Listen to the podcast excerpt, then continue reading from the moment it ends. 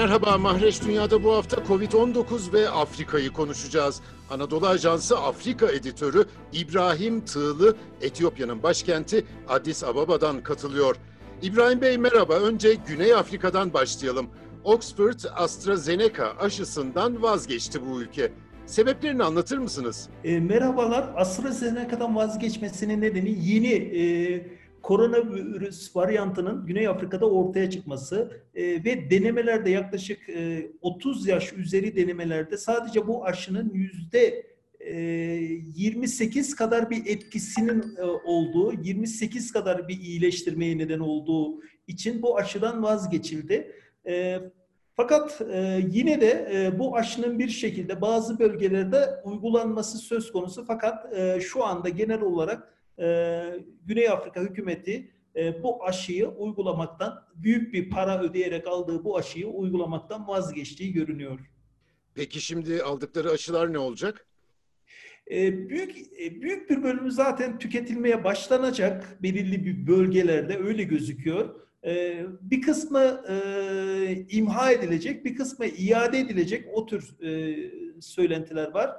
Fakat genel olarak dün Ramon Pozak, e, Güney Afrika Devlet Başkanı bu noktada herhangi bir açıklama yapmadı. Sadece aşıdan vazgeçtikleri, AstraZeneca aşısından vazgeçtikleri, Johnson Johnson aşısını alacaklarını söyledi. Ee, ve bu aşının da gelmeye önümüzdeki haftalarda başlanacağını söyledi. Yalnız kötü olan şu belki, aşılanmaya başlanmıştı. Ee, yaklaşık bin civarındaki kişi aşılanmıştı. Ve onların durumu ne olacak? O da ayrı bir soru işareti. Başka söylenti de Güney Afrika başka Afrika ülkelerine de bu aşıyı e, gönderebilir deniyor. Herhalde hiç aşı alamayan ülkeler için bu söz konusu. Ee, Güney Afrika resmi olarak böyle bir yaklaşım içerisine gireceğini zannetmiyorum. Çünkü Güney, Afrika, Afrika e, ülkeleri, özellikle Güney Afrika'da ülkeleri e, üzerinde etkisi olan bir ülke, sözü dinlenen bir ülke. E, kendisinin yapmadığı bir aşıyı diğer Afrika ülkelerine e, ihraç etmesi pek düşünülemez. Varyantın, virüsün mutasyonunun olmadığı ülkeler için. Evet, dediğiniz gibi o ülkelere gönderilebilir. Zaten e, özellikle e, yakın Lesotho, Zimbabwe, Zambiya gibi ülkelerin böyle daha önce Güney Afrika'dan böyle bir talepleri olmuştu. E, zaten şu anda zaten e, Zimbabwe ve Zambiya'da, e, Botswana'da ve Namibya'da virüsün e, yeni varyantı görülmedi. O ülkelere gönderilebilir diye de olabilir yani böyle bir ihtimal de var. Johnson Johnson'la mı kalacak Güney Afrika sadece şimdi? Evet. Başka alternatifleri de var mı? Şu anda e, görüşmeler yapılan e, Johnson Johnson e,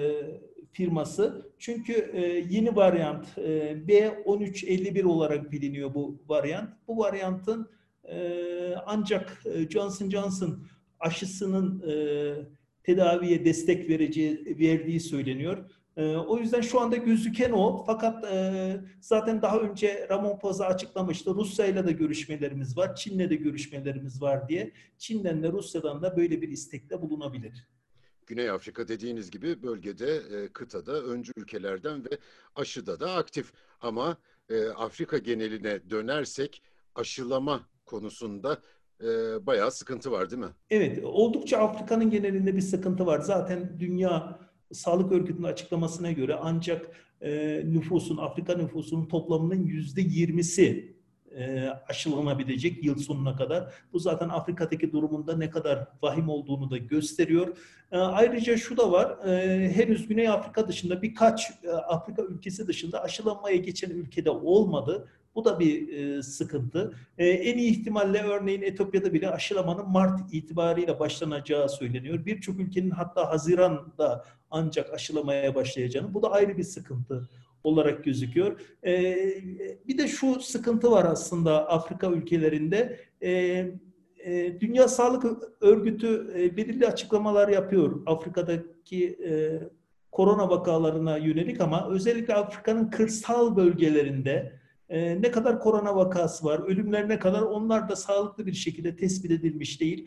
Örneğin e, son e, bir hafta içerisinde Nijerya'da korona vak- vakalarında bir artış gözlendi. E, yine Güney Afrika'da artış e, sürüyor, Zimbabwe'de artış devam ediyor.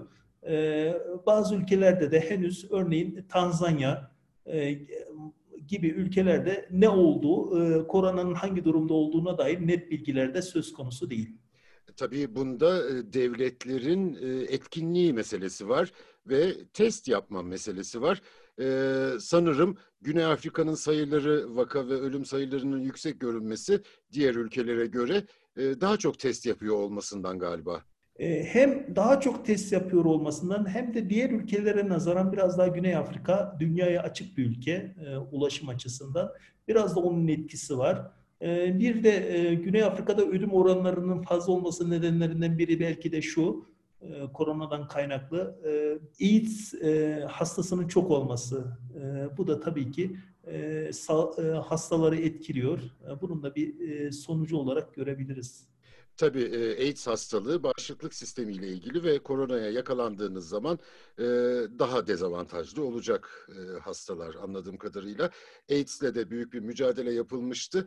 Ebola da zaten Afrika'nın kanayan yarasıydı. Koronavirüsle de ilgili Afrika'nın bir kesin resmini çekmek hala mümkün değil anlaşılan. Evet, aynen dediğiniz gibi şu anda e, henüz e, Afrika'da korona vakasının yeni yeni tanındığını söyleyebiliriz aslında. Covid vakalarının yeni yeni tanındığını ve yeni yeni önlemler olduğunu. Ama şu da var, Afrikalıların e, örneğin benim yaşadığım Etiyopya'da e, gördüğüm kadarıyla Afrika insanı biraz daha koronaya karşı dirençli.